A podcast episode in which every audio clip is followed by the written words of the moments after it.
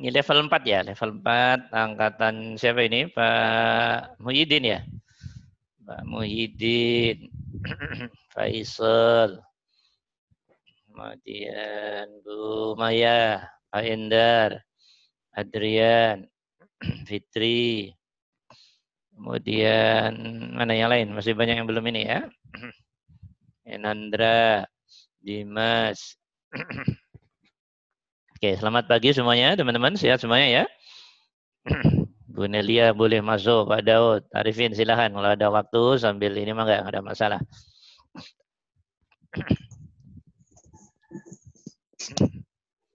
Bu Nelly, Bu Nelly mana? Bu Nelly yang Padang itu ya? Iya Ustaz. Oh ya, ya, oke, oke, oke. Hmm, dah. Sambil ya, Waalaikumsalam. Sambil nunggu teman-teman sejenak uh, untuk pemanasan, mungkin ada yang ditanya teman-teman, kita persilahkan. kita kasih waktu beberapa menit untuk pemanasan. Kita persilahkan.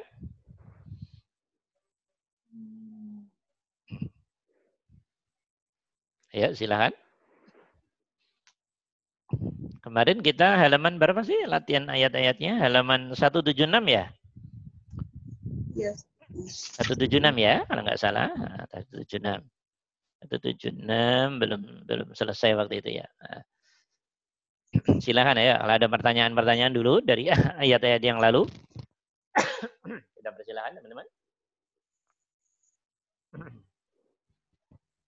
Pak Sarman, silakan. Pak Sarman, masuk. Bang Muhyiddin, Pak Sarman, ada pertanyaan mungkin? Sambil nunggu teman-teman dulu.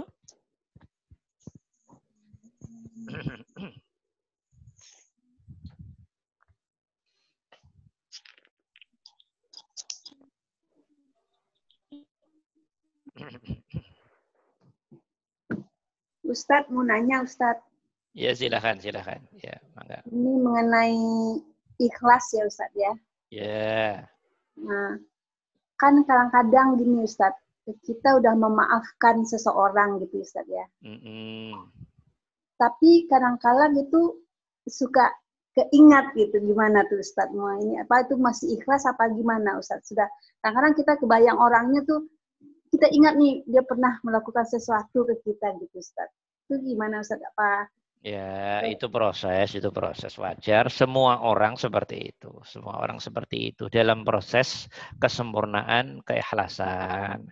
Tapi kalau nanti sudah keikhlasannya tingkat tinggi, tidak seperti itu, Bu Nelly.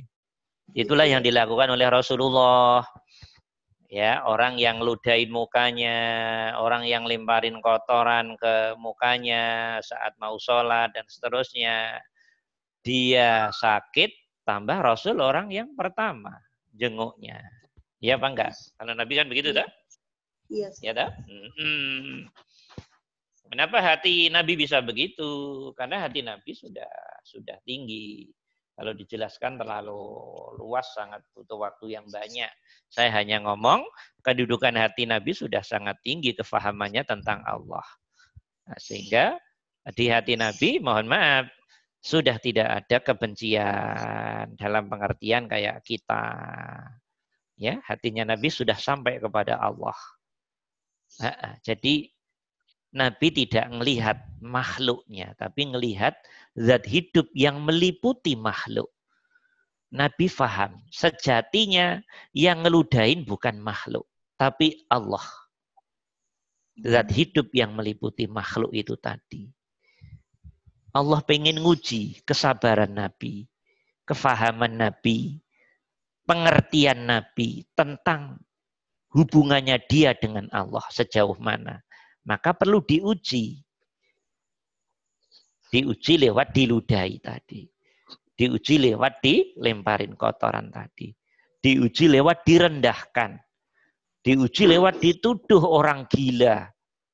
Syairun majnun kata Quran. Tukang ahli syair uh, apa namanya yang gila. Uh, Nabi juga dituduh uh, sahirun ya tukang sihir Macam-macam tuduhan jelek pada Nabi. Tapi hati Nabi sudah sangat jernih sekali. Nabi sudah ngerti. Sudah nggak terkecoh dengan permainan itu. Jadi yang dilihat Allahnya, teman-teman. Susah ini diterima oleh orang yang belum sampai sini memang. Tapi paling tidak teman-teman bisa menangkap, oh gitu ya. Iya, jadi Nabi melihat Allahnya, tidak melihat makhluknya. Kalau ustadz-ustadz yang mohon maaf baru duduk di syariat, hanya oh Nabi sabar ya. Kenapa kok Nabi sabar? Itu harus digali. Ada faktornya. Kenapa? Orang diludahi nggak marah itu kenapa? Itu ada apa di situ? Bukan kok karena sabar. kenapa bisa sabar? Itu yang bisa digali. Kenapa bisa ridho? Itu yang bisa digali, yang harus digali. Kenapa bisa ikhlas? Itu yang harus digali. Nah, gitu deh teman-teman. Setelah digali, jawabannya ketemu. Karena Nabi sudah sampai pada Allah. Gitu deh teman-teman. Nabi sudah sampai kepada Allah. Siapa pun orangnya, ilmunya setinggi langit sekaligus, kalau belum sampai pada Allah, nggak bisa teman diludahi, nggak marah, nggak bisa. Kalau belum kenal Allah. Tingginya ilmu justru nambah tingginya ego.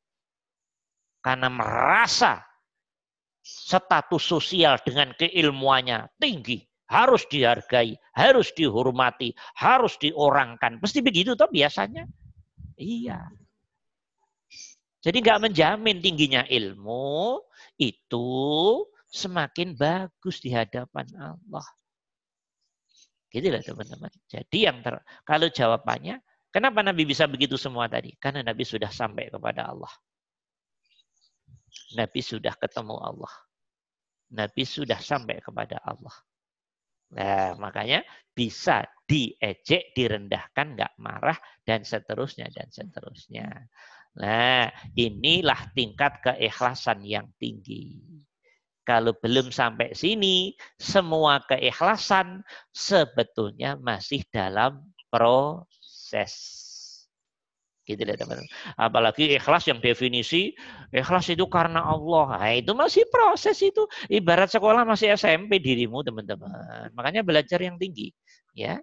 Bukan hanya bukan hanya belajar ilmunya, ilmu lakunya. Loh, ilmu mudah dibaca di buku, belajar pada ustadz mudah. Il, maksudnya implementasinya, lakunya, amalnya, prakteknya. Itu yang dimaksud. Paham ya Bu Nelly ya?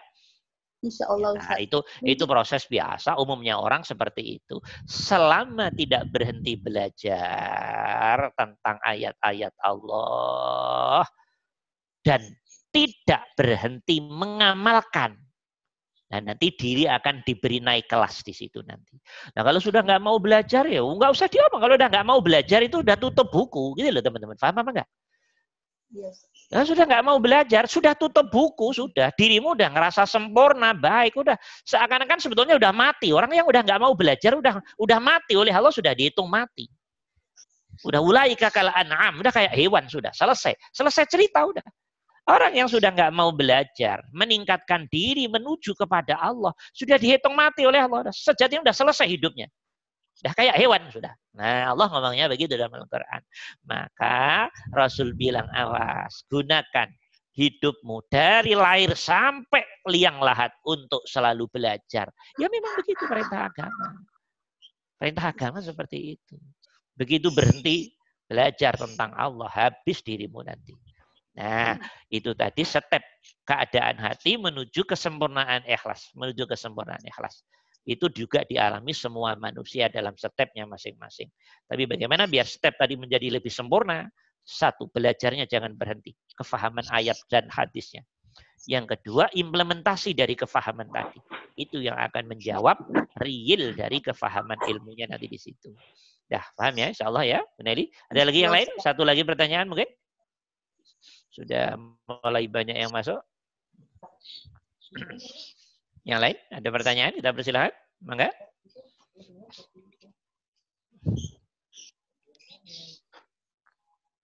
Ya, Ustaz. Silakan, mangga. Siapa ini? Muhyiddin. Ya, silakan Muhyiddin. Pak Ustadz, waktu Nabi Musa di Gunung Sinai, itu kan menerima wahyu. Nah. Itu kira-kira itu apa seperti Nabi Muhammad dengan Allah waktu di Ars Ustadz? Ya, oh iya iya iya iya ya. Begini pertanyaannya. Waktu Nabi Musa menerima wahyu di Gunung Tursina, Tursina wa turisinin wa hadzal baladil amin itu wa tini wa, ya. wa zaitun itu ya. Gunung ya. Sinai itu kayak nab keadaannya kayak nabi kita menerima wahyu sholat ya di oh. di di langit itu di sana di arsana. Oh ya. Uh, teman-teman, sebetulnya kalau kita masuk lebih ke dalam lagi, sebetulnya sih ya ada bedanya, ada samanya. Ada bedanya, ada samanya, Pak Muhyiddin. Kalau dikaji dengan dalam loh, tapi ini butuh kajian yang panjang lebar nanti. Tapi saya bilang kilas saja. Ya. Nabi Musa di Gunung Tursina itu rak begini tak ceritanya. Jadi orang-orang Yahudi, kaumnya Nabi Musa itu protes. Saya nggak akan menyembah Tuhan ente Musa kalau saya tidak melihat Tuhanmu dengan mata kepala saya. Ya. Orang-orang Yahudi bilang begitu pada Nabi Musa. Jadi aku nggak akan mau menyembah ente, apa namanya Tuhan ente. Kalau kami tidak bisa melihat Tuhan ente dengan mata kepala. Ya, Nabi Musa bingung, waduh gimana ini caranya. Nah, orang Yahudi orangnya kritis-kritis, cerdas-cerdas, dan ya begitu. Nah, Nabi Musa bingung. Banyak tanda tanya bagaimana caranya ini. Ini dijadikan sebab akibat aja oleh Allah. Setelah itu Nabi Musa jalan kaki dari Palestina terus nusurin-nusurin sungai-sungai Nil itu sampailah sebuah gunung namanya Gunung Tursina. Ringkas cerita nih, nggak usah panjang-panjang ceritanya. Iya, iya. Gunung ini tinggi sekali, cukup tinggi. Saya pernah naik gunung ini alhamdulillah ya. Jam 12, jam 12 malam naik dari kaki gunung. Nah, jam 6 pagi sudah sampai ke puncaknya. Sekitar hmm. 5 sampai 6 perjalanan lah ya enam hmm. jam mana perjalanan jalan kaki itu jalan kaki memang nggak ada yang lain lagi selain jalan kaki. Nah, Nabi Musa di gunung ini selama 40 hari 40 malam. Ya. Sebagaimana diceritakan dalam Al-Qur'an 40 hari 40 malam. Lu kok lama banget Ustadz? Ini ini adalah proses kehidupan yang harus dijalani Nabi Musa untuk mencari Tuhan, untuk mencari Allah untuk penyempurnaan tauhid. Oh. Jadi para nabi dan rasul untuk pematangan tauhidnya juga butuh proses yang tidak sederhana, teman-teman. Yes. 40 hari, 40 malam di atas gunung sendirian. Coba teman-teman bayangkan. Sebetulnya sejatinya dalam bahasa kita, Nabi Musa topo, paham nggak topo? Bahasa Jawanya topo. Kontemplasi bahasa umumnya yang diterima orang menyendiri, merenung apa sih kehidupan ini, apa sih hidup ini. Tuhan ini yang mana sejatinya? Kalau hanya Allah, Allah, Allah, Allah doang, rak, tahu itu. Yang mana sejatinya Tuhan? Ya, ya, ya. Karena Nabi Musa satu sisi juga dituntut oleh uh, kaumnya. Maka Nabi Musa uh, selama 40 hari 40 malam, Nabi Isa di satu eventnya bilang kepada Allah, Rabbi arini angzur ilai, kata Al-Quran. Ya Allah, tolong lihatkan dirimu biar aku bisa melihat engkau ya Allah. Oh, Nabi Musa terang-terangan ini. Enggak apa namanya, enggak tanggung-tanggung. Ya Allah, tolong lihatkan dirimu kepada diriku ya Allah. Ya Rabbi arini. Ya Allah, tolong perlihatkan dirimu pada saya. Angzur ilaik agar saya bisa melihatmu. Nah, dijawab oleh Allah. Dijawab oleh Allah. Ya. Di kamu tidak bisa melihat dirimu. Nah, tidak bisa melihat aku kalau kamu tidak melepas dua sandalmu, sandal, dua sandal. Oh, Fakhlak nak laika. Nah, ini kalau ahli syariat memaknai ya sandal. Sandal-sandal itu dilepas karena ini tempat yang suci. Apa urusannya sandal dengan ketemu Allah? Kalau ahli ma'rifat, ahli hakikat, sandal ini dijadikan bahasa isaroh. Yang dimaksud, kalau kamu pengen ketemu aku, hatimu harus dilepas dari dua sandal. Jadi sandal itu simbol dari najis. Najis nah. yang dimaksud adalah syirik. Ya, syirik hmm. khofi dan syirik jali. Kemusrikan. Hmm. Jadi kalau kamu pengen ketemu aku, hatimu harus benar-benar bersih dari kemusrikan. Baik yang jali maupun khofi. Itu bahasa isaroh itu. Yeah. Kalau hatimu sudah bersih benar dari kemusrikan, kekufuran, jali dan khofi. Nah, di situ kamu nanti ya. akan faham aku, akan mengerti aku. Gitu loh teman-teman. Lah, ringkas ya. cerita, ringkas cerita, ringkas cerita. Ringkas cerita dijawab oleh Allah dalam Qur'annya. Kalau kamu Musa, kamu tidak bisa ketemu aku secara fisik tidak bisa. Tidak bisa. Ya, tapi lihatlah tuh. Nanti kalau di situ keluar api dan batu itu hancur, itu tanda bahwa aku itu ada. Nah, gitu lah. Nah, langsung hmm. benar batu yang besar itu di pucuk gunung itu keluar api dan terbakar habis di pucuk gunung itu. Baru Nabi Musa sujud ampun, ampun, ampun ya Allah. Saya tidak akan mengulangi perbuatan saya lagi hmm. yang pengen melihatmu ya Allah. Ya. Nah, Nabi Musa sudah yakin dengan Allah dengan peristiwa ini dan tidak harus melihat langsung dengan mata kepala melihat Allah. Karena ya. memang Uh, secara SOP prosedural Allah dan makhluk, Allah nggak bisa dilihat secara fisik. Memang Allah bukan berupa fisik. Ya. Nah, ini kalau dibahas panjang ini, panjang. Biar teman-teman paling tidak tahu, oh gitu peristiwa Nabi Musa dan Allah seperti itu. Lah, ya.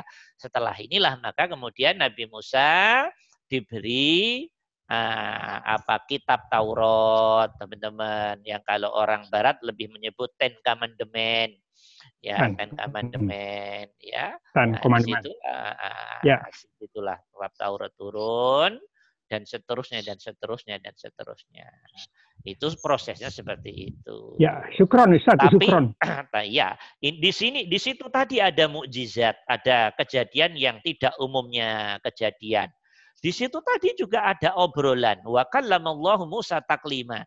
Tapi obrolan demi obrolan dari eh, para nabi rasul dan uh, tentang dan kepada Allah sebetulnya sebetulnya obrolannya itu hakikatnya lewat hati, Pak. Iya. Lewat hati, Pak. Ob, ngobrolnya itu loh lewat hati. Faham? Lewat alam ruh, lewat alam hati. Cuman kemudian dipilmkan. Film itu alat bantu biar kita paham. Di, dimunculkanlah ini itu makhluk ini itu. Lah itu itu film lah itu. Ya, Ustaz. Itu film. Lah, ada pun Nabi kita di Aras itu ya sama. Hakikatnya juga tetap aja tidak ketemu Allah secara fisik karena Allah bukan fisik. Ya. Kamu Yudin. Ya. Ya ketemunya ketemu dialog lewat hati. Hati. Ruhiyah. Maka Isra Mi'raj juga nanti uh, ada dua pendapat.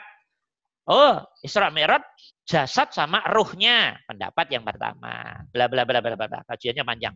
Oh ya. enggak. Isra Mi'raj pun kejadian ruhiyah saja kok sebetulnya dia. Kayak pada umumnya yang dialami oleh para ahli ibadah. Teman-teman belum sampai ilmunya, ya nggak bisa dibahas di sini. Uh, jadi sebetulnya ruhiyah saja. Ruh secara ruhiyah, kayak mimpi gitu.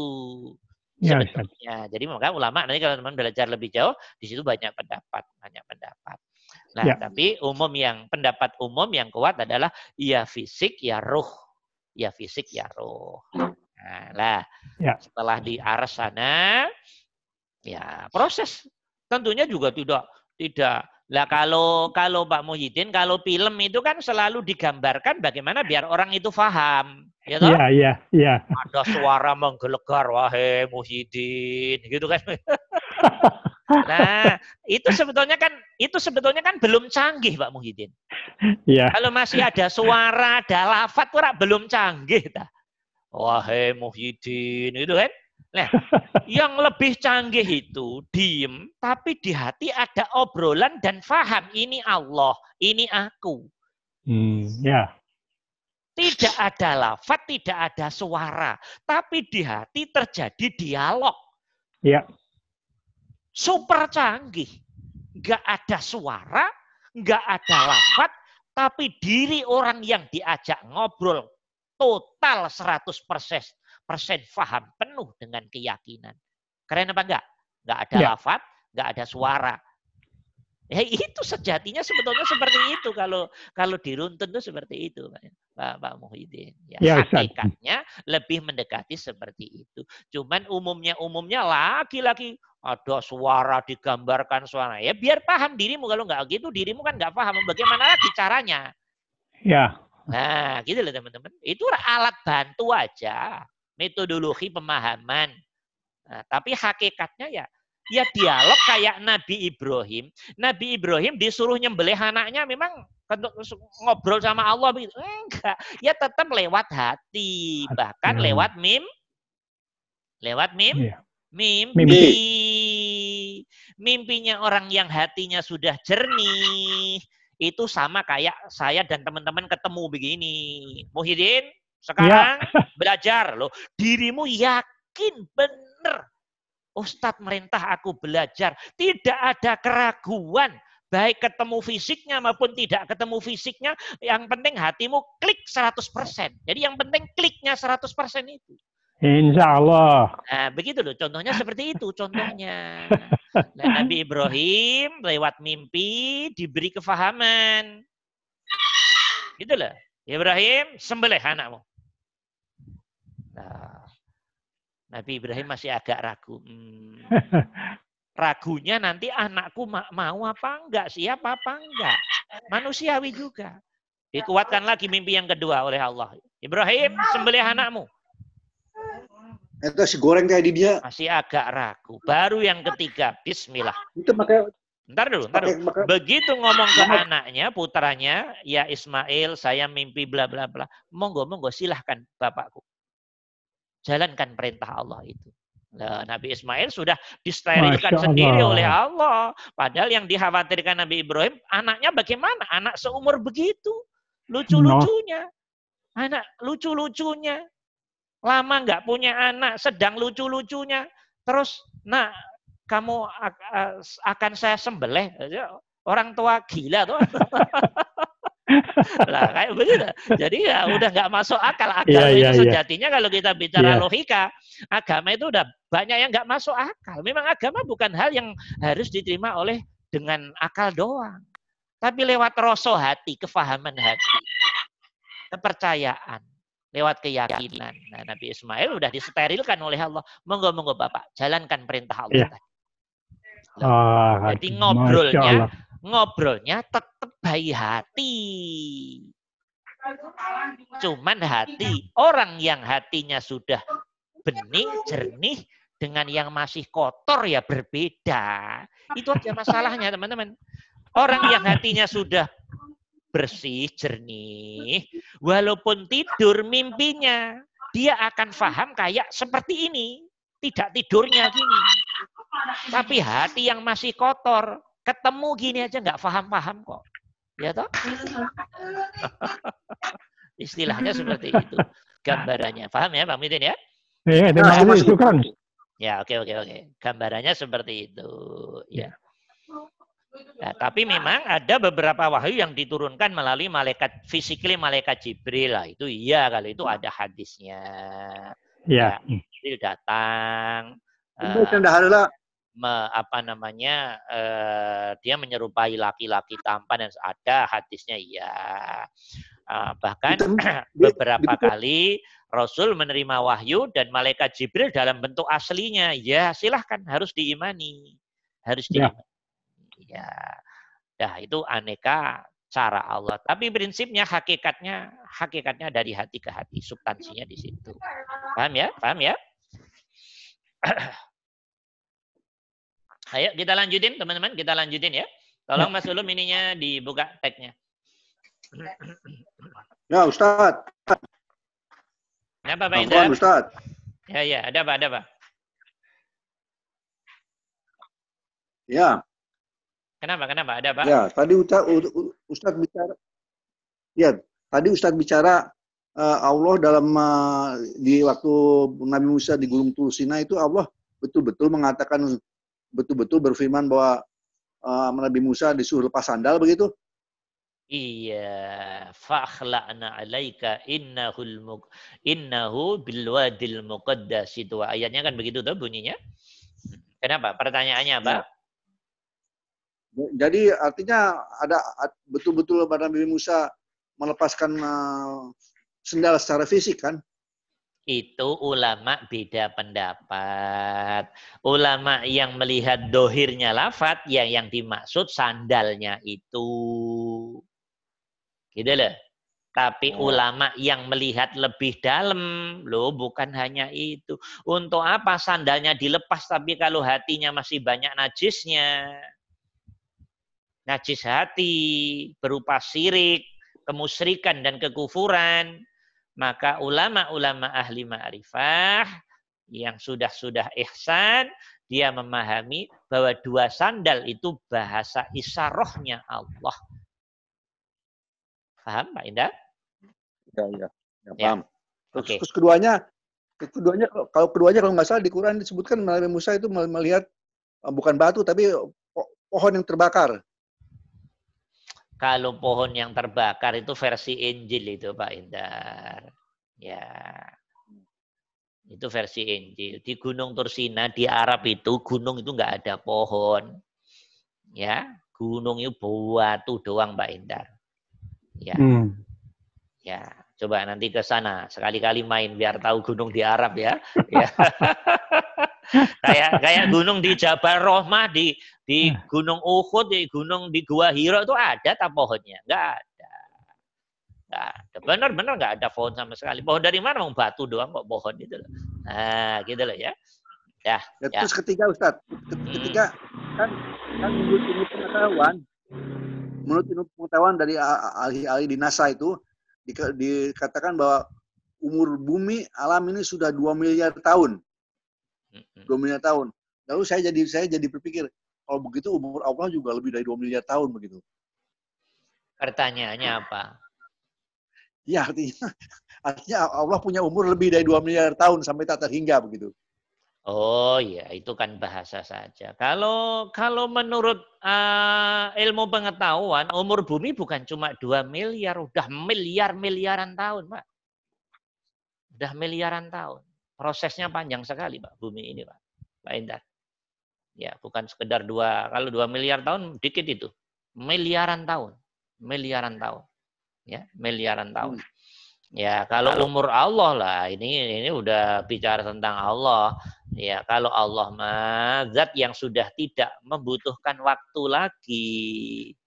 Allah sudah ya. tidak membutuhkan waktu lagi karena Allah adalah zat yang sudah tidak berlaku waktu, tidak berlaku tempat.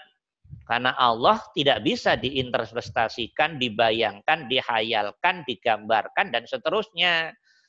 Nah, jadi Allah itu nggak kayak apa yang ditangkap oleh indramu, pikiranmu, bayanganmu, dugaanmu. Oke, teman-teman? Ya. Waktu itu ya. tercetak.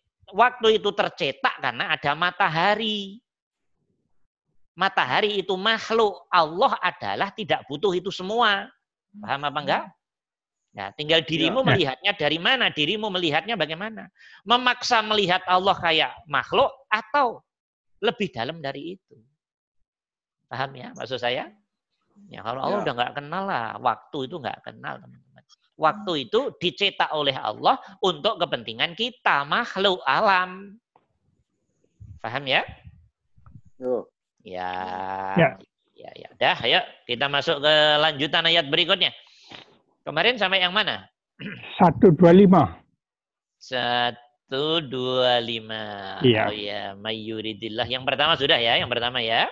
Ya. Nah, teman-teman, saya saya ulangi sejenak ya. Ayo kita baca bareng-bareng lah, apalagi puasa. Kita baca bareng-bareng ya. Ayat yang pertama ya. dulu. A'udzu billahi minasyaitonir rajim. Bismillahirrahmanirrahim. Fama yuridillahu ayyahu yasrah sadrahu lil Islam ومن يريد أن يدله يجعل صدره ضيقا حرجا كأنما يصعد في السماء كذلك يجعل الله الرجس على الذين لا يؤمنون Ringkas cerita, ringkas cerita untuk mengulangi biar nyambung.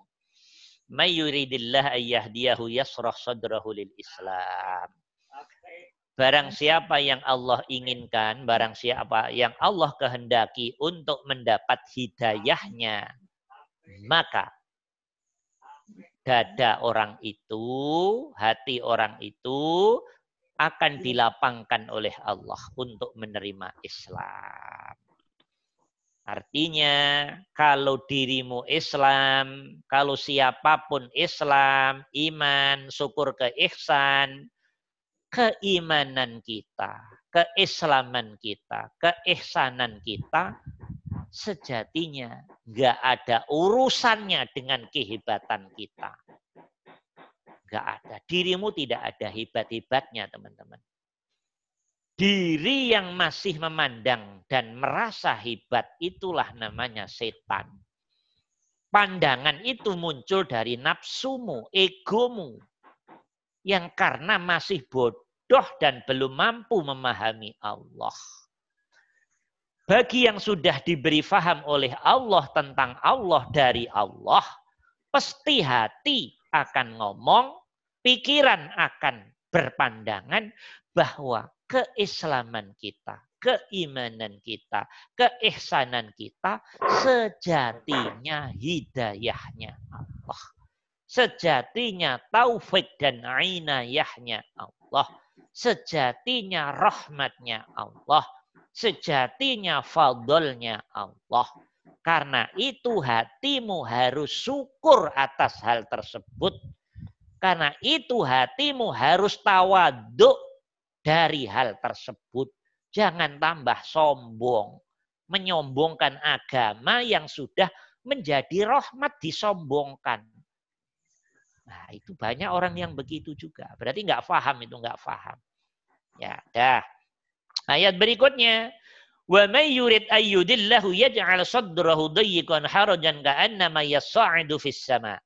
Barang siapa yang Allah kehendaki, yang Allah inginkan, maka ia akan menyesatkannya. Loh, Allah menyesatkan Ustaz. Iya, yang ngasih ganteng Allah, yang ngasih jelek Allah, yang ngasih pinter Allah, yang ngasih bodoh Allah, yang ngasih kaya Allah, yang buat miskin Allah, yang buat cowok Allah, yang buat cewek Allah, yang buat banci Allah, yang buat sukses Allah, yang buat gagal Allah.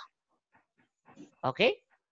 Yang ya. memberi hidayah Allah, yang enggak memberi hidayah ya Allah. Nggak ada pemain lain di dunia ini, teman-teman. Tidak ada pemain lain. Tidak ada pemain lain. Semua hakikatnya kemutlakan irodah dan kudrohnya Allah. Oke? Okay? Ya. Yang menolong semuanya dari hal yang sifatnya baik-baik, ya Allah yang tidak menolong dari semua hal yang hakikatnya kamu bahasakan tidak baik.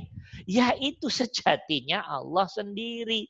Karena yang baik dan tidak baik sejatinya alat ujinya Allah pada diri kita, pada diri kalian, pada dirimu. Makanya di sini Allah siapa yang aku sesatkan maka hatinya akan terasa sempit, sulit tertutup, tidak mau menerima Islam, iman, dan ihsan. Berarti yang buat sempit siapa? Allah. Yang nutup siapa? Allah. Yang nggak nolong siapa? Allah.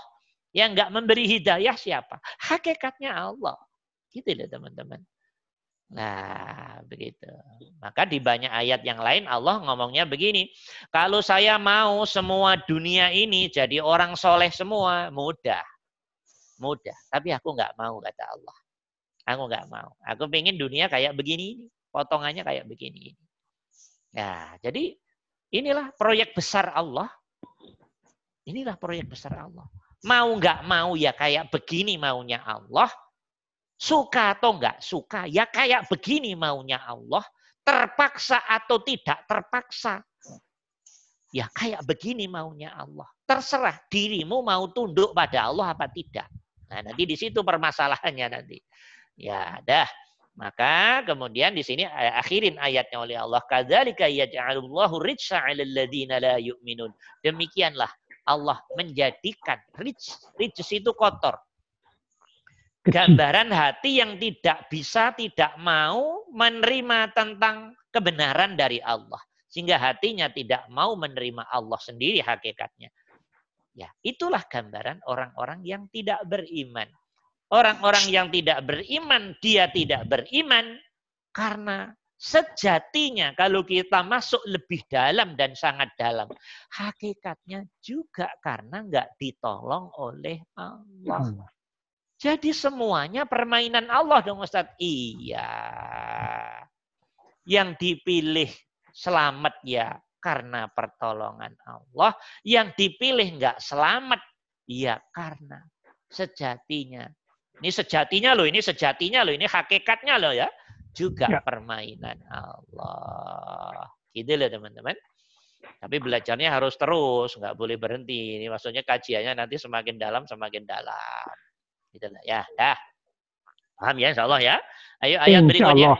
Ayat berikutnya kita baca bareng-bareng ya. Hada ya. Ayat berikutnya kita baca bareng-bareng. Wahada ya. Wahada siratu rabbika mustaqima. Qad fassalna ayati liqaumi yazzakarun. Nah, ini aja. Kita analisa dulu. Level 4 kan masih agak analisanya masih agak lemah nih. Wa hadza siratu rabbika mustaqima. Ah, jumlah apa ini coba? Wa hadza siratu rabbika mustaqima. Jumlah apa teman-teman? Isaroh. Ya, dimulai isyarah itu jumlah apa namanya? Ismiyah. Jumlah ismiyah. Jumlah ismiyah. Muftadanya mana muftadanya? Hadza. Ya hadza dong ya toh. Khabarnya siratu rabbika. Siratu rabb Rabbika. Rabbika. Mustaqima. Mustaqima. Itu apa mustaqima itu? Sila. Mustaqima itu apa? Lurus. Lurus. Wahada siratu rabbika mustaqima. Mustaqimah itu lurus, teman-teman. Nah, kemudian ayat berikutnya, Qad fassalnal ayati liqaumi yadzakkarun. Lah apa itu? Qad fassalna. Fi'liyah. Fi'liyah. Fi'liyah. Sungguh ada kodnya itu fi'il madi, domir nahnu qad fassalna. Kalau teman-teman lihat di kamus, fasola lihatnya. Setelah itu cari kata fassola. Apa artinya yang tahu? Fassola apa artinya? Menjelas, jelas. Iya, menjelaskan. Sama dengan syaroha.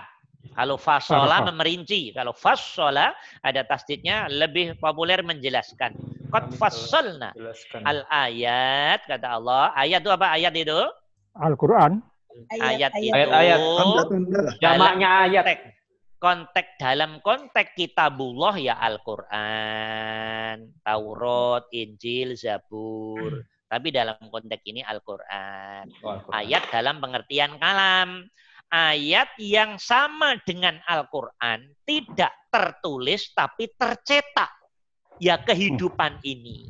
Diri kita, semua hewan, semua tumbuhan, angin, bulan, bintang, langit, ya toh benda-benda langit, semua apa yang ada di alam semesta ini juga ayat Allah. Tidak berupa kalam tapi berupa ciptaan, ciptaan itu juga kalamullah. Tinggal dirimu faham apa enggak, ngerti apa enggak, sampai apa tidak, tahu apa tidak. Nah, nanti begitu. Qad fassalnal ayat liqaumin. Kalau maklum bagi kaum yazakkarun apa yazakkarun artinya? Memperhatikan. Memperhatikan. Hah? memperhatikan. Mereka memperhatikan. Ya, uh, uh, domirnya hum loh ya. Yang mau hmm. memperhatikan, mau merenung, mau berpikir, ya dah, uh, dah ini coba diterjemahkan sekali lagi dari wahada siratu rabbika mustaqima qad fassalna al-ayati liqaumi yadhakkarun. Yuk terjemahin bareng-bareng. Dan, ini Dan inilah jalan, Tuhan, jalan Tuhanmu yang lurus. Yang lurus. Ini mana ini? Jalan Tuhanmu yang lurus ini yang mana ini? Yang dimaksud Allah ini? Quran. Eh? Mana ya? Islam. Iya, Islam. Jalan yang lurus yang dimaksud Allah dalam konteks ayat ini Islam. Islam. Oke. Ya. Pengen masuk surga, ikuti jalan yang lurus. Berarti Islam. Oke? Ya. Ya, jalan yang lurus itu Islam. Tapi nanti prakteknya ntar dulu, ntar dulu, ntar ya. Nah, Qad fassalnal ayati liqaumi yadzakkarun. Ya, terjemahin bareng-bareng. Sungguh, Sungguh. Ayo. Telah kami Allah, Allah menjelaskan. telah menjelaskan ayat-ayat kepada kaumnya. Pada kaum yang mau berfi berfikir, memperhatikan, memperhatikan, merenung. Dah. Ini ini ringkas garis bawah saja, tidak menerangkan panjang lebar enggak. Wahada siratu rabbika mustaqima. Hmm.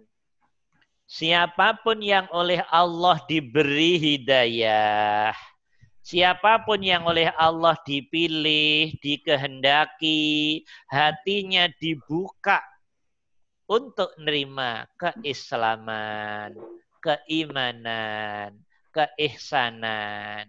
Itu sejatinya rahmatnya Allah dibukanya hati kita oleh Allah sehingga hati bisa dengan legowo sehingga hati bisa dengan total menerima Islam. Itulah sejatinya awal dirimu masuk zona rahmatnya Allah subhanahu wa ta'ala Berarti Allah pengen dirimu mudah-mudahan sampai akhir hayatmu mati dalam keadaan jalan yang lurus Islam ini. Amin ya Nah, kalau dirimu dari starting diberi Islam sampai matimu Islam itu kamu bertahan, kamu bawa. Ya berarti diri dikehendaki oleh Allah termasuk orang-orang yang akan mendapat rahmatnya Allah berupa surganya Allah. Insya Allah. Itu bukan kehebatan kita. Itu bukan kerennya diri kita. Itu bukan kerennya nasab kita. Itu bukan kerennya orang tua kita. Bukan itu semua rahmatnya Allah, fadlnya Allah. Syukurilah. Lihatlah itu kebaikan Allah pada diri kita. Lihatlah itu kenikmatan Allah pada diri kita. Lihatlah itu fadlnya Allah, karunia Allah pada diri kita. Dan dalam saat yang bersamaan, dirimu harus mampu mendudukkan hati. Kalau dirimu dipilih oleh Allah, diberi jalan yang lurus berupa hidayah Islam ini, di luar sono ada orang yang tidak dipilih oleh Allah. Dirimu pun jangan jelekin orang yang oleh Allah tidak sedang ditolong oleh Allah dengan jalan yang lurus berupa Islam itu. Karena itu pun hakikatnya juga maunya Allah. Jadi hatimu harus tetap dalam keadaan tenang. Melihat dirimu karena Allah, melihat orang lain juga karena Allah. Ngerti maksud saya ini? Iya, Ngerti maksud saya teman-teman? Insya Allah. Paham ya? Maksud saya paham ya? Ya, Syukurilah. Ya, Jangan membanggakan keislaman yang diberikan oleh Allah. Jangan menyombongkan keislaman, keimanan yang diberikan oleh Allah. Syukurilah. Syukurilah. Paham? Ya, nggak boleh melihat orang rendah. Nggak boleh melihat orang rendah. Tidak boleh nggak boleh melihat orang lebih jelek daripada dirimu. Karena hakikatnya sama-sama diberi. Dirimu ya diberi, orang lain ya diberi. Ya udah, itu hakikatnya otoritasnya Allah. Faham? Nah, di situ makna wahada siratu rabbika mustaqima. Tidak bisa dibahas dengan panjang lebar. Yang penting secara umum dirimu faham saja. Sudah cukup bagus. Nah, Qad fassalnal ayat liqaumi yadzakkarun. Gimana terjemahnya tadi teman-teman? Sungguh oh, kami, kami telah menjelaskan, menjelaskan ayat-ayat pada kaum yang mau berpikir. Nah, ayat Quran. Nah, ayat Quran. Ayat itu, Al-Quran itu Kan semuanya ayatnya Allah teman-teman. Dijelaskan begini, begini, begini. Kamu pengen selamat di dunia ya, begini loh, bla bla bla bla bla. Kamu pengen selamat di akhirat ya, bla bla bla bla. Kamu pengen selamat di dunia saja, begini. Kamu pengen selamat di dunia dan akhirat, begini. Semua petunjuk sudah ada dalam Al-Quran. Tinggal secara syariat, secara zona sosial, secara legal kehidupan bagaimana. Nah ini ngomongnya legal kehidupan nih. Ngomongnya yang eh, SOP zohirnya dulu ini. Ya, kamu harus belajar. Kamu harus berusaha memahami ayat-ayatku dalam kitabku. Kamu harus mau memahami dengan baik apa maksud kalamullah, ayat-ayat Allah dalam kitabullah itu harus kamu cerna dengan baik harus kamu fahami. Kalau Allah bilang bacalah, baca itu maksudnya fahamilah. Jangan baca nggak faham. Kalau yang diperintah orang Arab ekro itu maksudnya faham. Kalau yang diperintah orang Indonesia ekro baca doang tapi nggak paham. Nah itu salahnya di situ. Nah, jadi kata ikro bacalah maksudnya membaca, substansi dari membaca adalah kefahaman mengerti. Oke, dari apa yang dimaksud dari kalamullah ayat-ayat Allah dalam Al-Quran. Nah, itu loh teman-teman. Itu secara umum seperti itu. Ya harus belajar dong Ustaz. Ya iyalah kalau nggak belajar bagaimana? Lu nggak belajar bagaimana? Bisa tak nggak belajar teman-teman? Ya Allah, para sahabatnya Nabi, teman-teman saya kasih tahu. Nabi kita Muhammad Shallallahu Alaihi Wasallam tidak pernah ngajari Al-Quran pada sahabatnya lebih dari lima ayat dalam satu event pertemuan. Dikit-dikit diajarin, dikit-dikit difahamkan beneran. Setelah itu diamalkan dulu, baru ditambah lima ayat. Diamalkan, ditambah lagi lima ayat, diamalkan. Nabi cara didiknya begitu. Dikit-dikit dibaca dengan benar, diterangkan, diamalkan, ditambah. Loh begitu loh. Lah kita ini serampangan-serampangan doang. Udah mbak, baru pinter baca dikit aja dengan tajwidnya udah udah ngerasa sempurna, udah ngerasa ya Allah itu loh. Kalau gini kayak apa? Parah orang-orang kita ini. Ya Allah, nggak begitu maksud Allah belajar membaca, bisa membaca dengan tajwid dan tahsin, itu proses, masih proses. Proses awal itu teman-teman. Ibarat 10 tangga, baru dapat dua tangga dirimu. Lancar baca Quran, tajwidnya benar. Suaranya merdu, tahsinnya bagus. Itu baru tangga tiga. Paling banter empat tangga dari sepuluh tangga. Tapi hatimu masih kosong dari apa yang kamu baca. Masih kayak orang buta. Apa yang kamu baca belum kamu tangkap, belum kamu e, fahami, belum kamu ngerti, belum kamu sadari. Nah, kalau dirimu membaca firman Allah, kalam Allah, kitab Allah, ayat-ayat Allah, saat membaca, dirimu faham, ngerti, hatimu, dirimu itu yang saya maksud. Hatimu, rohmu, jiwamu, dohir batinmu faham dari kalam Allah, ayat Allah yang kamu sedang dan telah baca. Itulah yang dimaksud oleh Allah. Qad fassalnal ayati liqaumi yadzakarun. Harus bermula dari situ, teman-teman. Harus bermula dari itu. Kalau nanti sudah mulai faham, mengerti secara tekstualnya, saya ulangi lagi. Kalau sudah baca Al-Quran, sudah faham, mengerti tekstualnya. Setelah itu kita mengamalkan. Kalau sudah laku, mengamalkan, mengamalkan, mengamalkan, mengamalkan bunyi tek-tek ayat Al-Quran tadi, dirimu akan diterangkan langsung oleh Allah lewat dalam hatimu. Saya ulangi lagi. Setelah dirimu faham secara fisikly, zohirnya ayat. Ya, faham. Setelah itu mengamalkan, implementasi, mempraktekkan.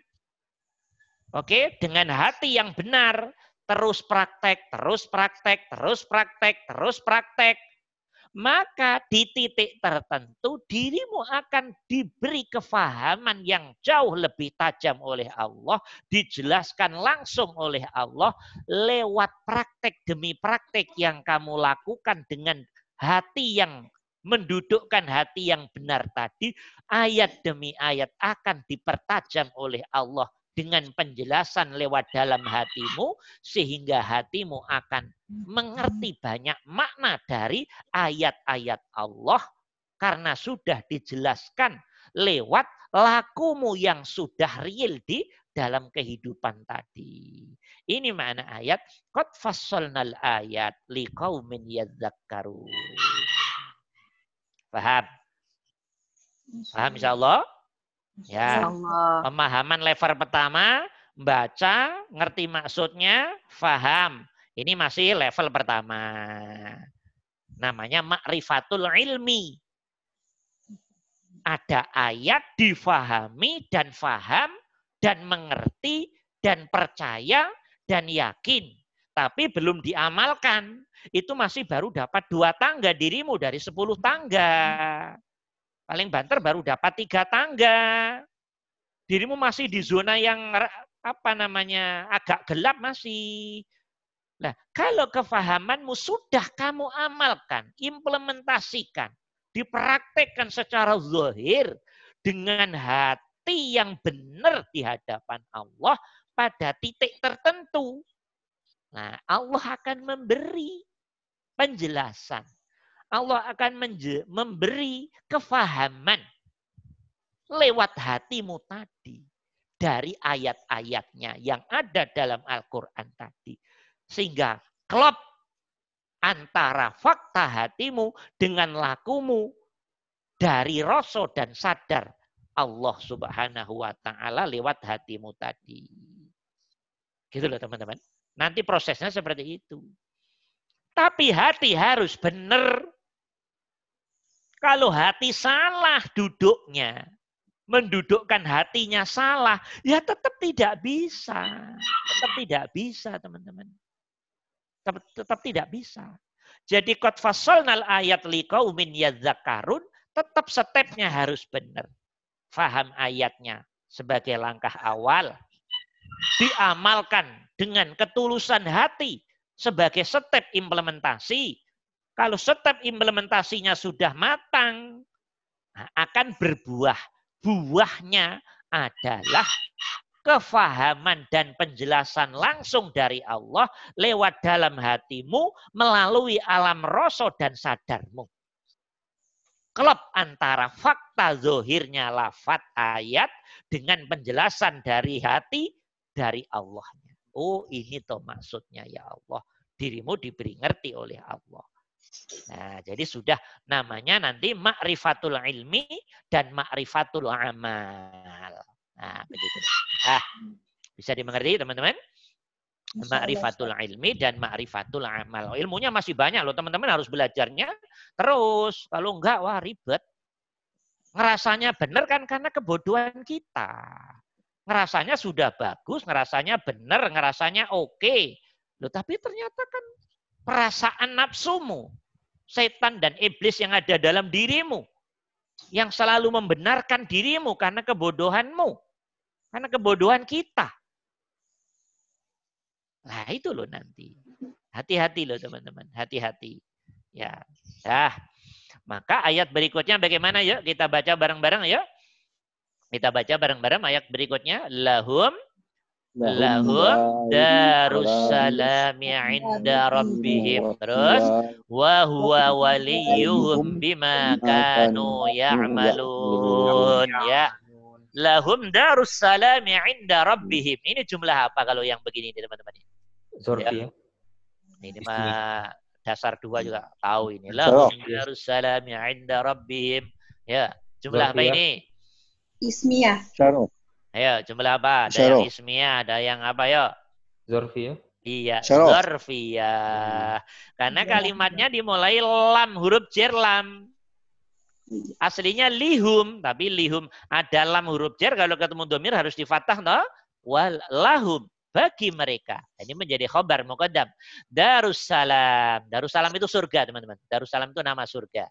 Ya, menjadi muftada muakhirnya. Darussalam inda rabbihim. Di sisi Tuhan mereka. Lahum darussalam inda rabbihim. Ya, coba terjemahan. Ya, terjemahan. Bagi Mudah ini mereka, ya. Bagi mereka. Mereka, mereka siapa ini? Mereka siapa ini? Mereka yang Mereka yang Islam tadi. Islam. Mereka yang hada siratu rabbika mustaqima mereka yang tahu, faham, dan laku. Qad fasolnal ayat ini kaum zakarun tadi. Enggak hanya pengetahuan dohir doang, enggak. Sudah implementasi, sudah laku, sudah mengamalkan real, benar. Mengamalkan kefahamannya dari apa yang difahami, dibaca dari Quran, demi Quran tadi, ayat demi ayat tadi. Nah, kalau begitu kata Allah, kamu benar-benar mengamalkan dari kefahamanmu tadi. Lahum darussalam inda rabbihim maka bagi mereka surga di sisi surga di sisi Okay. Di sisi Tuhan mereka. Di sisi Tuhan, di sisi Tuhan mereka. Tapi sebelum surga harus lihat dirimu dulu, jangan cepat-cepat surganya. Ya, lahum darussalami inda rabbihim. Maksudnya gini loh teman-teman. Hmm. Kalau ada orang sudah dibuka hatinya menerima Islam, itu kan baru starting hmm. ta Islam itu starting. Setelah diri diberi hidayah oleh Allah, dibuka hatinya menerima Islam dan hmm. alhamdulillah sudah hmm. syahadat, sudah kalimat tauhid, mengamalkan rukun-rukun Islamnya, mengamalkan rukun-rukun imannya, Loh, pertanyaannya, hmm. benar tak rukun-rukun Islam dan semua cabang yang kamu lakukan hatimu sudah benar tak? Ya. Sholatmu sudah benar tak? Bentar, jangan sholat dulu, terlalu tinggi. Syahadatmu sudah benar tak? Satu. Sholatmu sudah benar tak? Zakat, puasa, hajimu sudah benar tak? Semua laku 24 jammu sudah mencerminkan Islam tah? Ayo. Ini yang jadi masalah. Karena untuk lahum darussalami inda rabbihim untuk masuk zona darussalam surga di sisi Allah laku Islamnya harus benar laku kehidupan 24 jamnya harus mencerminkan Islam. Saya kasih contoh. Saya kasih contoh. Saya kasih contoh. Saya kasih contoh. Sholat umpamanya. Contoh kecil sholat. Dirimu sudah tahu ilmunya sholat. Dari wudhunya sampai salam udah tahu. Itulah ilmu tah itu ilmu. Dan dirimu sudah praktek, itu sudah benar. Coba ayo masuk ke dalam lebih dalam lagi. Bagaimana saat dirimu wudhu, saat dirimu mengerjakan sholat, keadaan hatimu, hubungannya dengan Allah, menyangkut sholat ini bagaimana? Itu yang kamu lihat teman-teman. Itu yang harus kamu lihat. Itu yang harus belajar lebih jauh. Saat dirimu sholat, bagaimana keadaan hati kita sejatinya? Hati kita benar-benar sudah menghadap Allah. Atau hati kita menghadap ke pahala? Atau hati kita menghadap ke surga? Atau hati kita menghadap ke bidadari? Atau hati kita menghadap biar sukses? Atau hati kita ber, menghadap nggak enak sama atasan? Atau hati kita menghadap nggak enak sama bawahan? Atau hati kita menghadap nggak enak sama keluarga, nggak enak sama tetangga, nggak enak sama orang?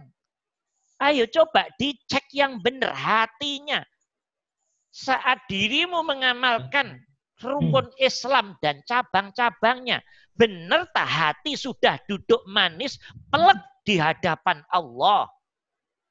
Jangan-jangan nanti jangan, masih banyak keluar dari Allah. Hatimu masih banyak menghadap hal-hal di luar Allah karena kebodohan kita, jangan-jangan. Awas, hati-hati teman-teman. Awas, hati-hati. Hati-hati. Hati-hati. Nah, kenapa ada sholat yang diancam oleh Allah? Fawailul lil musallin alladina hum an sholatihim sahun. Kenapa? Kok orang sholat masih diancam oleh Allah begitu? Celaka kata Allah. Bagi orang-orang yang sholat. Yang hatinya sahun lalai dari Allah. Ayo, kenapa sholat masih diancam-ancam begitu? Ayo, masuk yang lebih dalam lagi ilmunya, belajarnya, prakteknya. Kenapa juga puasa masih diancam-ancam oleh Rasul? Banyak orang puasa hanya dapat lapar minum. Ah, hanya dapat apa namanya haus dan lapar. Nggak dapat apa-apa di sisi Allah. Kenapa ini terjadi? Kenapa? Nah, harus dikejar. Ilmunya harus dikejar. Nggak cukup yang penting ngerjain-ngerjain. Ngerjain doang seribu tahun. Kalau hati duduknya nggak benar di hadapan Allah. Tetap zero, teman-teman. Hatimu, hati kita di hadapan Allah nggak ada apa-apanya. Itulah pentingnya ilmu. Itulah pentingnya faham ayat demi ayat. Itu loh teman-teman. Kenapa itu terjadi? Jawabannya hanya satu. Hatimu, hati kita belum benar saat menghadap Allah, baik menghadapnya berupa sholat, zakat, puasa, haji, umroh, dan semua kebaikan yang kamu lakukan. Hatimu masih tengok-tengok di luar Allah. Hatimu masih menghadap apa pun hal di luar Allah. Sementara Allah sendiri belum kamu kenali. Hatimu belum total kelak ke Allah. Hatimu masih banyak diwarnai najis-najis. Kotoran-kotoran. Apa itu? Ya sesuatu di luar Allah yang ngisi hatimu dan Allahnya menjadi terabaikan. Allahnya menjadi minggir. Allahnya menjadi terusir dari uh, rasa dan kesadaran hatimu. Bagaimana Allah yang katanya menjadi Tuhanmu, Allah yang katanya menjadi penciptamu. Allah yang katanya kamu sembah. Selalu kamu usir dari alam hatimu, alam pikiranmu. Sementara hal di luar Allah selalu mengisi posisi hatimu. Bagaimana ini bisa terjadi? Ini yang saya maksud, duduknya hati harus benar saat kita menghamba kepada Allah, menyembah kepada Allah, mengabdi kepada Allah, ibadah kepada Allah. Jadi semuanya ada ilmunya, jangan serampangan-serampangan. Itu anak TK juga paham ya, serampangan-serampangan. Nah, nah, pertanyaannya yang yang saya perlu ajukan pada teman-teman, bagaimana sudah benar tak wudhumu, sholatmu? zakat, haji, umrohmu, dan semua aktivitasmu. Hatimu sudah benar tak duduknya hubungannya dengan Allah. Jangan-jangan masih loh banyak keluar dari Allah. Karena yang ada di hatimu, rasa dan sadarmu, pikiranmu hanya surga, surga, surga, pahala, pahala, pahala. Sukses, sukses, sukses dan apa pun sesuatu di luar Allah. Tapi Allah sendiri nggak ada di hatimu kok. Ayo dicek hatinya. Sudah benar belum duduknya Allah? Mendudukkan Allah dalam hatimu. Jadi nggak mudah mendapatkan lahum darussalami inda rabbihim. Sebelum lahum darussalami inda rabbihim, hati dicek benar. Sudah lurus tak hatimu. Lurusnya hati disebut kemudian sirotol mustaqim karena hatinya sudah total lurus kepada Allah. Gitu teman-teman. Begitu sholat, tek, Allah. Totalitas rasa di hati Allah. Enggak ada, mohon maaf, dalam praktek hati, enggak ada bayangan surga, enggak ada bayangan pahala, enggak ada mengisi di hati surga pahala enggak ada. Bidadari enggak ada. Yang ada totalitas Allah. Tapi hati yakin nanti kalau hati Allah ing, eh, yakin janjinya Allah nanti ada surga, nanti ada le pahala, nanti ada macam-macam. Itu diyakini saja, diimani, diyakini, tapi jangan mengganggu totalitas hati, duduknya hati, hubungannya dengan pelek lurus total ke Allah itu sendiri. Jadi harus ngerti ilmunya. Hati kelak ke Allah total. Urusan surga dan seterusnya. Kalau sudah kelak ke Allah, karena hatimu sudah iman ke Allah, mengimani surga, neraka, dan seterusnya. Itu sudah otomatis. Include di dalamnya. Gitu loh teman-teman. Jangan salah mendudukkan hati. Sholat yang di hati ya ada gambaran surga, bidadari, pahala, kesuksesan. Ya berarti lah dirimu lah nyembah surga. Tak? Dirimu lah nyembah pahala. Tak? Dirimu lah nyembah kesuksesan. Tak? Dirimu lah nyembah bidadari tak? Yang ada di hati bukannya total Allah, tapi bagaimana makhluk mengisi hatimu. Nah inilah, inilah. Maka diingatkan oleh Allah, wa hadza siratu rabbika mustaqimah. Ini jalan yang lurus. Jalan yang lurus kalah hatimu lurus. Walau sholat itu sejatinya akhirat. Tapi kalau hati salah mendudukkan hati, sholat bisa menjadi ditolak oleh Allah. Karena salah mendudukkan hati. Gitu loh teman-teman. Sodakoh itu sejatinya bagus. Tapi kalau hati salah mendudukkan hati saat sodakoh, ya tetap sodakoh menjadi barang hina di mata Allah. Karena dirimu sodakoh riak. Karena dirimu sodakoh biar dipandang menjadi dermawan. Karena diri bersodakoh biar, biar, biar, biar, biar, biar. Tapi enggak kelek ke Allah. Sudah total kelek ke Allah. Jangan keluar dari kelek Allahnya. Gitu loh teman-teman. Pahala enggak usah kamu lihat. Surga enggak usah kamu lihat. Cukup yang dilihat di hatimu Allah saja. Surga include di dalam Allah. Pahala include di dalam Allah. Bidadari include di dalam Allah. Semua include di dalam Allah. Gitu. Jangan salah mendudukkan hati. Faham ini? Takutnya hatimu dikibulin oleh setan, iblis nanti. Ngelihatnya di luar Allah, makhluk. Allahnya nggak pernah kamu pedulikan di hatimu. Nah, babak belur nanti dirimu. Nah ini wahada siratu rabbika mustaqimah. Nah, gitu loh teman-teman. Ini makna jalan yang lurus itu seperti itu. Itu ya. Teman-teman, mamanya ini contoh-contoh. Sekarang belajar di mustakili. Oleh hatimu, ya Allah, ini hidayahmu ya Allah. Sedikit banyak, Alhamdulillah, saya semakin mengerti Islam. Semakin mengerti tentangmu ya Allah. Syukur merasa ini nikmatnya Allah, rahmatnya Allah, itu benar. Itu benar teman-teman. Itu benar. Tapi kalau hanya euforia keilmuan, itu masih setan semua, masih iblis. Masih iblis semuanya itu. Nah, berarti karena masih iblis, walaupun kelihatannya belajar, tapi belum sirotol mustaqim, dirimu belum masuk ke zona Sirotol mustaqim. Kalau dirimu sudah ada rasa kesadaran, ini nikmatmu, ini rahmatmu ya Allah. Terus bimbing hamba ya Allah inilah. Rasa dan kesadaran penerimaan tentang Allah dalam hati seperti ini, itu namanya siratul mustaqim. Kalau hanya euforia, pinter-pinter, ilmu pinter. Ilmu itu masih kalau masih gitu namanya masih iblis itu, masih setan itu, masih zona nafsu.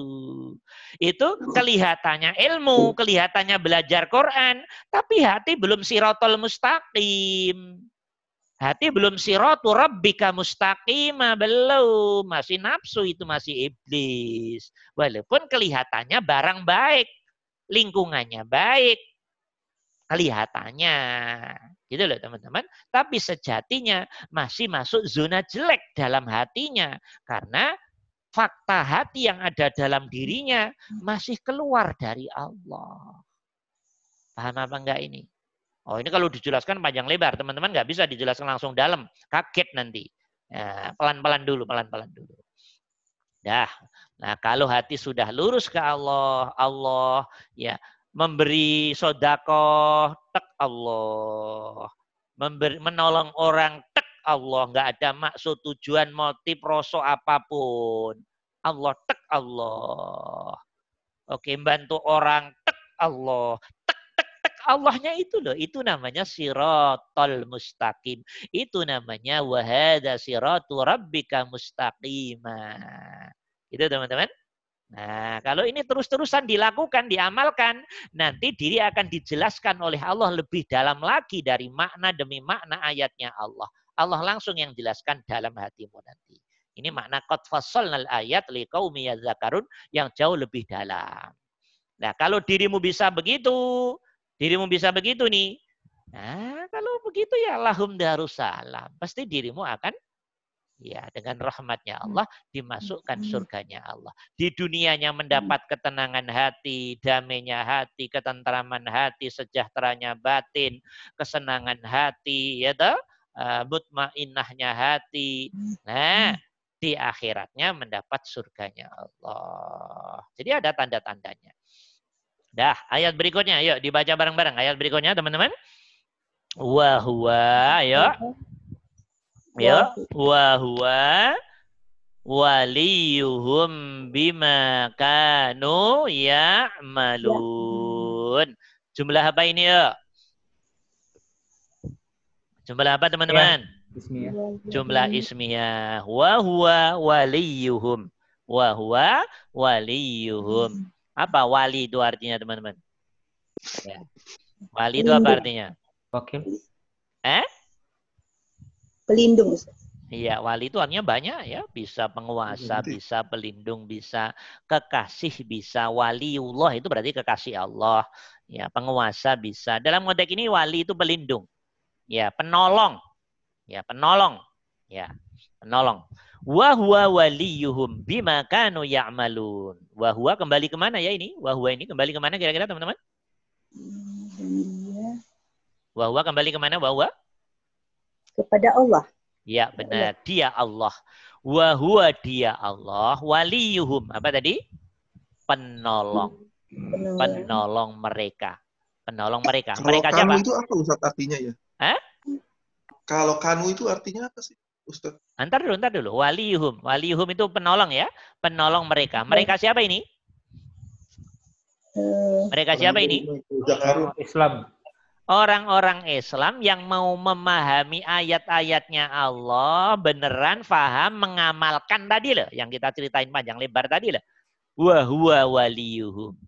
Orang yang mau belajar benar ayat-ayatnya Allah dan diamalkan benar dengan mendudukkan hati yang lurus total pada Allah tadi, Wahwa waliyuhum. Dialah Allah sejatinya yang nolong mereka. Loh ini loh, pahami Allah ini loh.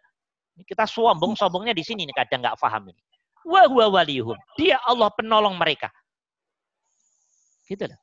Jadi kita ini walaupun mohon maaf, walaupun Islam, iman, kalau hati tidak ditolong oleh Allah, tetap babak belur, babak belur teman-teman.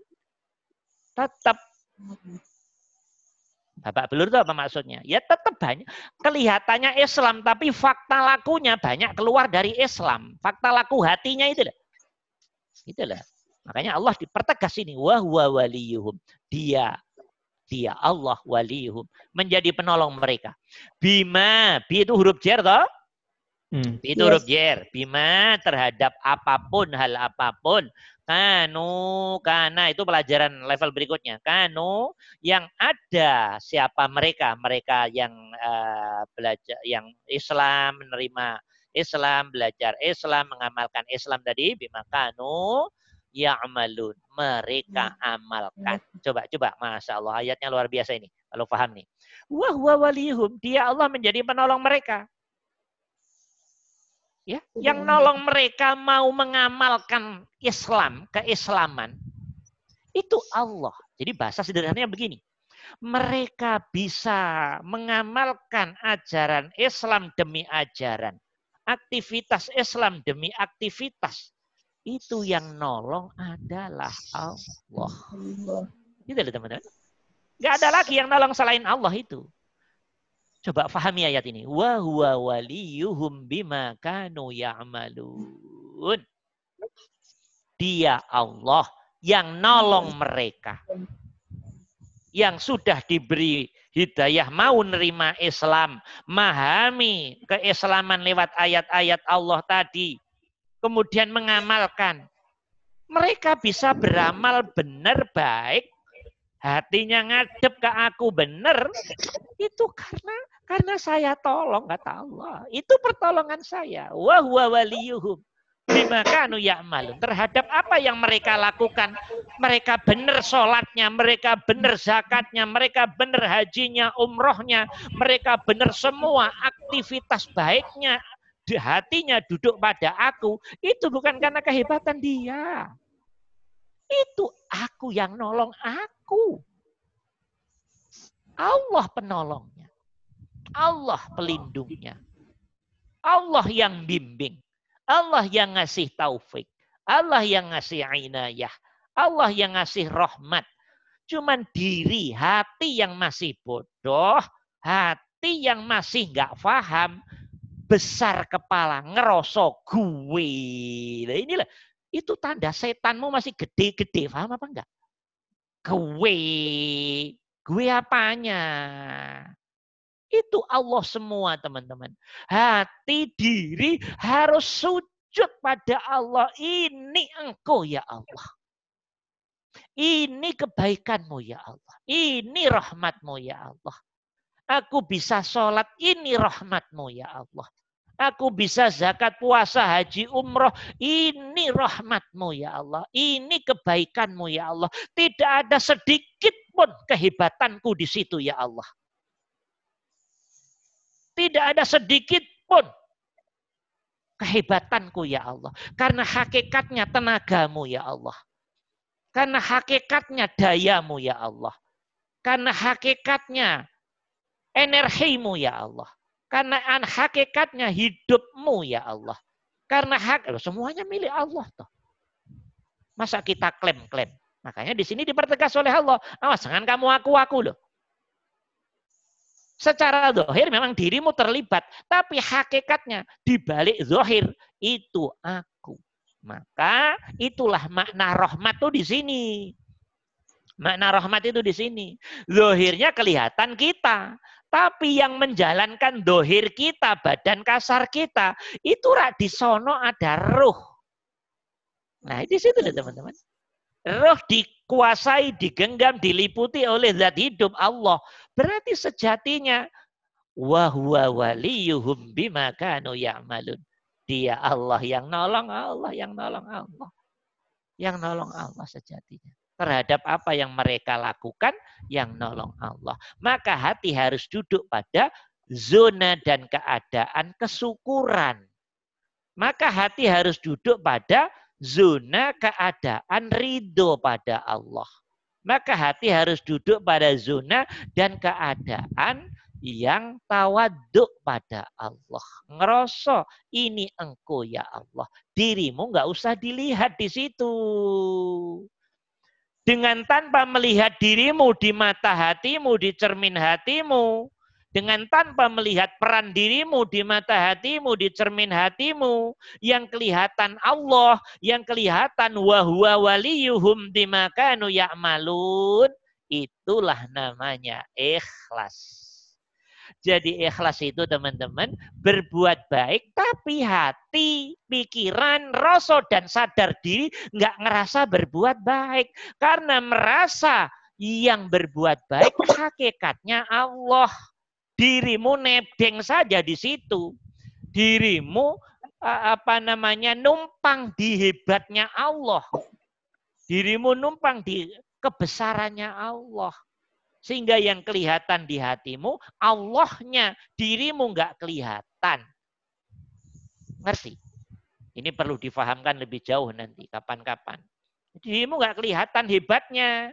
Dirimu ngerasa keren, dirimu ngerasa hebat, dirimu ngerasa jadi orang baik, dirimu ngerasa dari orang soleh. Itu karena dirimu kan nggak melihat wahwa walihum bimakanu ya'malun ini tah.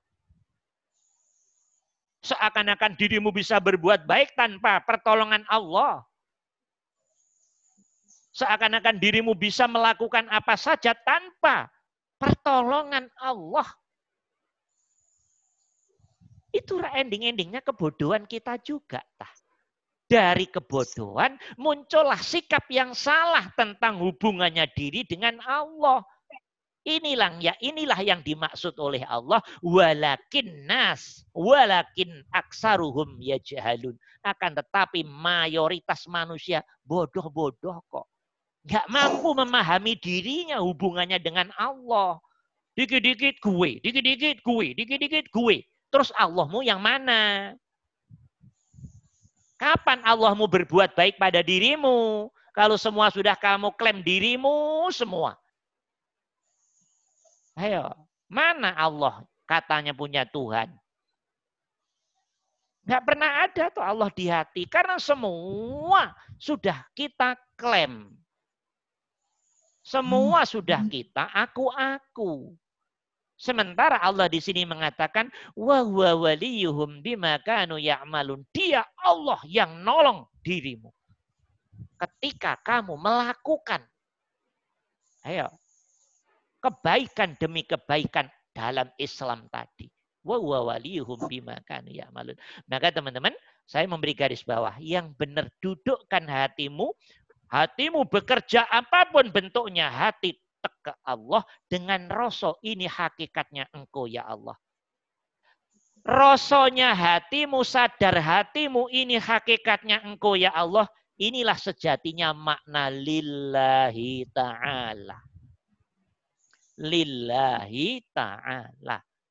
Menghilangkan rasa dan kesadaran klaim diri sebagai pelaku tapi menyerahkan ini hakikatnya engkau ya Allah. Dirimu oleh dirimu sendiri tidak dilihat dalam hatimu.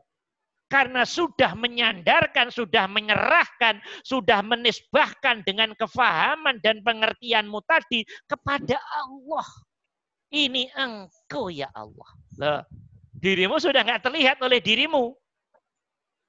Kalau praktek hatimu sudah seperti ini, inilah makna ayat wa huwa waliyuhum bima kanu ya'malun.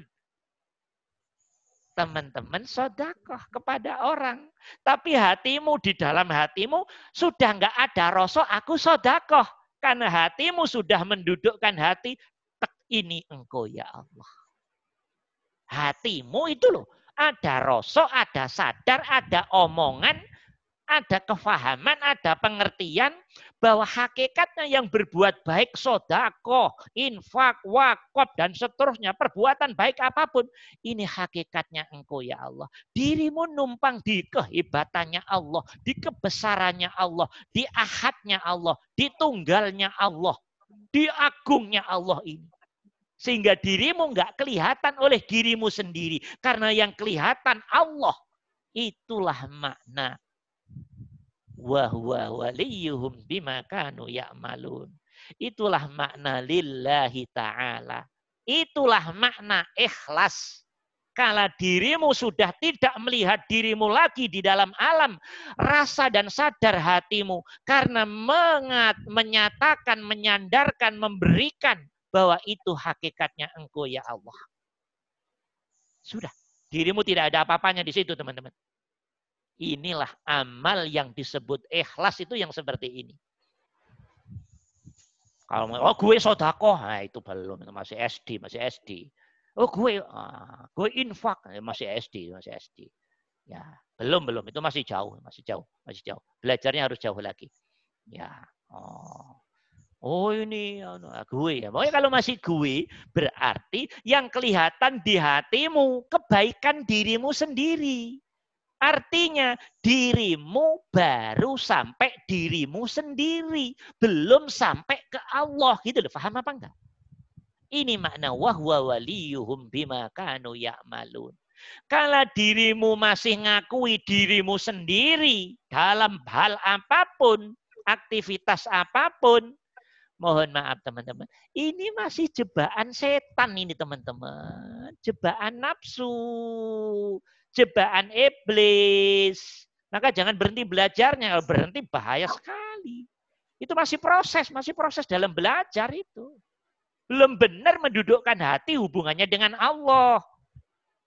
Karena dirimu masih kelihatan di cermin hatimu oleh dirimu sendiri. Nah, gitu deh teman-teman. Nah, nah ini kapan-kapan kita lanjutin. Ini untuk mukodimah saja. Ya, wa huwa waliyuhum bima kanu ya'malun. Jadi iya. tanda sesuatu dikatakan ikhlas, amal dikatakan ikhlas kalau hatimu mendudukkan hatimu, rohmu, jiwamu. Ini hakikatnya engkau ya Allah. Memberikan kepada Allah. Mengembalikan kepada Allah. Menyandarkan kepada Allah laku kebaikan itu dan dirimu hilang. Hilang tidak kelihatan di cermin hatimu. Bentuknya di rasa dan kesadaranmu dari peran dirimu. Inilah praktek ikhlas yang sejatinya. Ikhlas.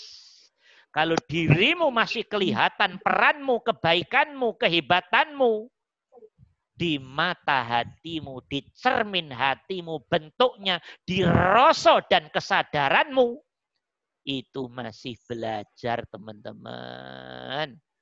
Belajar memahami ikhlas. Ibarat sekolah masih SD itu. Belum SMP, SMU, S1, S2, S3. Belum, belum, belum. S3 belum. Itu masih SD. Belajarnya belum benar. Makanya belajarnya belajarnya yang beneran biar biar semakin diberi rahmat oleh Allah untuk menjadi lebih bagus duduknya hati hubungannya dengan Allah. Dah, paham ya insya Allah ya? Makna wahwa waliyuhum bima kanu ya'malun. Sekali lagi, itu masih banyak jebakan nafsu. Dah ya, ayat berikutnya, ayat berikutnya. Jam berapa ini? Jam berapa? Saya nggak bawa jam ini. Di komputer ketutup, ketutup nih jamnya. Jam berapa teman-teman? Hmm? Oh, jam 11.44. Masya Allah. Udah mau habis aja nih waktunya. Ya, ya, ya. Empat ini. Oke, sedikit lagi, sedikit lagi. Ya, sedikit lagi. Wa yauma ini panjang nanti kalau kita jadi panjang ya. Ayat di bawah ini nanti menjelaskan begini, kalau dirimu tadi masih ada rasul menjadi apa namanya? pelaku kebaikan tanpa ada kesadaran hakikatnya ini pertolongan Allah ini wa yauma yahsurum jami'a ya maksarul jini sejatinya dirimu bermesra-mesraan dengan setan di situ bermesra-mesraan dengan iblis bermesra-mesraan dengan nafsu, tapi karena kebodohan kita, kebodohanmu tentang ayat-ayat seperti ini dan belum laku seperti ayat ini, maka berantakan hati kita. Nyangkanya benar, sejatinya salah. Karena kebodohan tadi. Nah ini nanti ayat berikutnya ini. Wa yauma yahsuruhum jami'a ya ma'sarul jinni qad istaksartu minal insi. Nah, dan seterusnya. Nah, ini kita ngakui nanti ya ya Allah saya bermesra-mesraan dengan jin, setan, iblis dengan rasa saya ini. Nah, ini harus diterangkan dengan detail nanti. Besok bisa kita terangin ya. Ya, dah mungkin masih ada waktu dikit kalau ada pertanyaan-pertanyaan dari ayat yang atas tadi dulu aja. Nanti diterusin terlalu panjang, nggak nggak sampai nanti bahasanya. Besok Iya, saya pengen lanjut. saya pengen tahu maknanya kanu di situ apa ya, Pak ya? Kanu itu artinya adalah bisa menjadi bisa. Ya, kanu itu artinya bisa menjadi, bisa adalah. Maka di sini kalau diartikan wahwa dia Allah waliyuhum menjadi penolong mereka, menjadi penolong kalian. Bima terhadap hal apa pun kanu yang ada. Nah, ada dalam konteks ini ada. Ada siapa mereka tadi?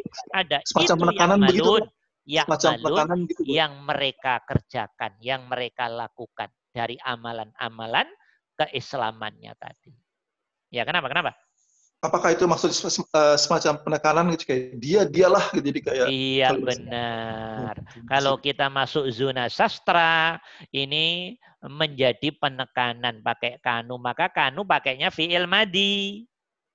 Kanu ini fi'il madi, yang malunya mudore. Jadi apa yang telah mereka perbuat dari kebaikan demi kebaikan. Allah ingin ngomong, itu bukan kehebatanmu, bukan kehebatan mereka. Tapi di dalamnya karena dirimu ditolong oleh Allah. Gitu loh. Di dalamnya dirimu telah ditolong oleh penolong, yaitu Allah itu sendiri. Nah ini penguatan benar. Kanu pakai fi'il mati itu penguatan. Ya dah, paham Jun ya? Nanti ada pelajarannya di level berikutnya karena wa akhwatuha. Ya, ya, ada ada pertanyaan yang lain teman-teman? Kita persilahkan. Ya, silakan. Dari ayat tadi, nanti untuk berikutnya besok kita eh, kita lanjutin ya. Silakan, ada pertanyaan. Ustadz mau tanya Ustadz, kan Silakan. di ayat pertama eh, siapa yang Allah kehendaki untuk diberi petunjuk kepadanya Ustadz. Ya, Itu ada ciri-cirinya, ciri-cirinya nggak orangnya itu seperti apa Ustadz? Ya Kak, secara umum semua orang yang sudah di dibukakan hatinya untuk menerima Islam, yaitu ciri yang pertama. Gitu loh teman-teman. Paham secara umum. Pertanyaannya, apakah orang yang sudah menerima Islam setiap lakunya mencerminkan sirotol mustaqim? Kan enggak tah. Orang Islam yang sholatnya enggak bener banyak, zakatnya enggak bener banyak, umroh hajinya enggak bener ya banyak kok. Orang Islam yang nyuri ya banyak, orang Islam yang merampok enggak sedikit kok. Orang Islam yang jualan narkoba ya tidak sedikit kok. Orang Islam yang korupsi enggak sedikit kok. Jadi ini urusan laku, Bu Nelia. Islam itu kan sebutan umum, identitas umum. Untuk menjadi sempurna kan butuh proses tah. Gitu loh. Enggak kok kalau sudah langsung asyhadu alla ilaha illallah asyhadu anna muhammad rasulullah menjalankan rukun Islam yang lima langsung sempurna. Enggak ta. Ya Islam Islam sholat zakat puasa haji umroh ya sudah. Tapi tetap aja maksiat jalan terus juga kok. Kan begitu toh dalam prakteknya. Lah yang dimaksud Allah bukan itu sejatinya. Bukan itu. Jadi kalau dirimu Islam tapi ternyata dirimu masih jauh dari harapan Allah. Sejatinya ada yang belum benar pada dirimu dalam implementasi hatimu dengan Allah itu loh. Banyak yang belum benar lah. Ini butuh proses Bu Nelly dan teman-teman. Prosesnya harus ngerti ilmunya, ayat-ayatnya harus paham. Nah kalau nggak paham ayatnya, bagaimana dirimu bisa laku? Ayo, dirimu nggak paham Quran mau mau bagaimana? Saya tanya.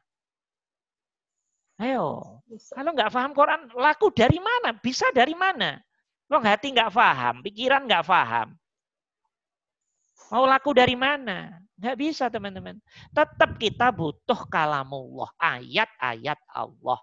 Ayat yang difahami dengan benar, dengan dalam, diamalkan dengan lurus karena Allah. Nah itu nanti ciri-cirinya baru mulai muncul itu nanti. Ya, nanti kalau dibahas jadi panjang. Tapi ciri-ciri akan muncul dari situ nanti. Teman-teman. Kita nggak usah ciri-ciri dulu lah. Kita masih terlalu jauh nanti kalau ciri-ciri. Ilmunya dulu dikejar. Ilmunya dulu dikejar. Standar ilmiahnya dulu dikejar. Ya kan? Nah, teman-teman nanti kalau belajar di level 4 sampai level 5, nanti akan banyak dikaji ayat-ayat yang berkaitan dengan tauhid. Dirimu akan banyak mengalami lonjakan nanti karena oleh Allah diberi kefahaman nah, tentang ayat-ayat yang tinggi dari tauhid. sejalan itu pasti akan ada perubahan-perubahan. Perubahan hati, pikiran, laku, dan seterusnya. Nah, proses tentunya butuh proses. Nah, nggak usah ciri-ciri dulu, terlalu tinggi. Ya, ilmunya dulu ayo, ilmunya dulu diper, dikejar dulu hubungannya dengan uh, hati kita, diri kita dengan Allah. Nah, setelah itu nanti baru muncul ciri-ciri. Baru muncul ciri-ciri gitu, teman-teman ya. Oke ya, Bu Nadi paham ya? Ya, oke. Okay. Syukur Ustaz. Ya, oke, okay. ada lagi yang lain? Masih ada waktu dikit? Awan, Awan Ustaz, Awan. Ya. Awan. Mm -hmm. Ustaz.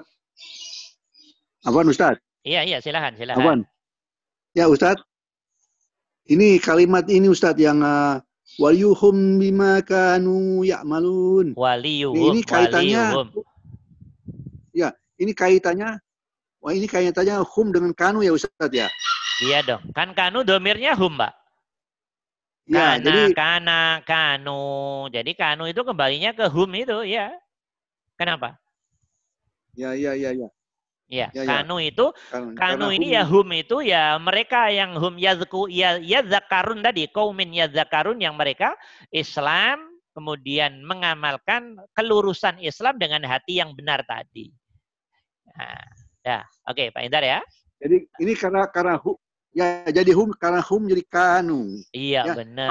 Anda, anda kata anda katanya anda kata ini huma menjadi Kana ya Ustaz. Kana, ya dong otomatis.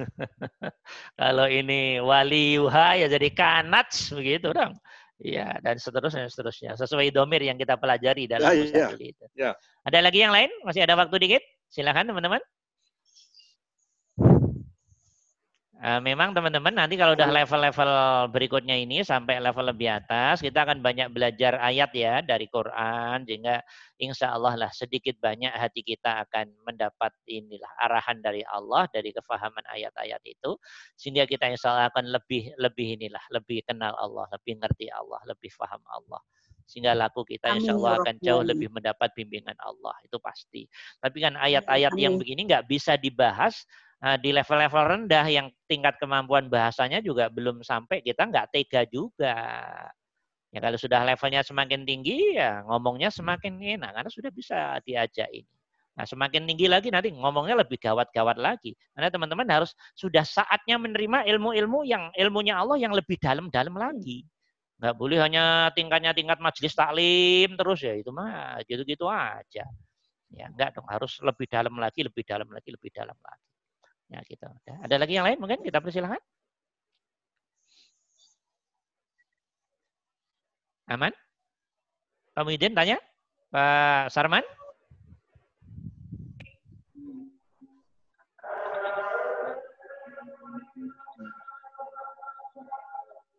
Fitri? Fit? Nanya Fit? Tina? Tina? Enggak ada, Ustaz. Dimas? Dimas? Belum ada, Ustaz. Belum ada ya. Hmm. Bu Maya? Bu Sinta mana? Bu Sinta nggak masuk. Ada, Sebanyak yang nggak masuk juga nih ya, teman-teman kita. Bu Sinta berhalangan hadir katanya. Hmm, Bu Sinta terus siapa lagi tuh ya? Hmm. Nuzula ya, okay. ada.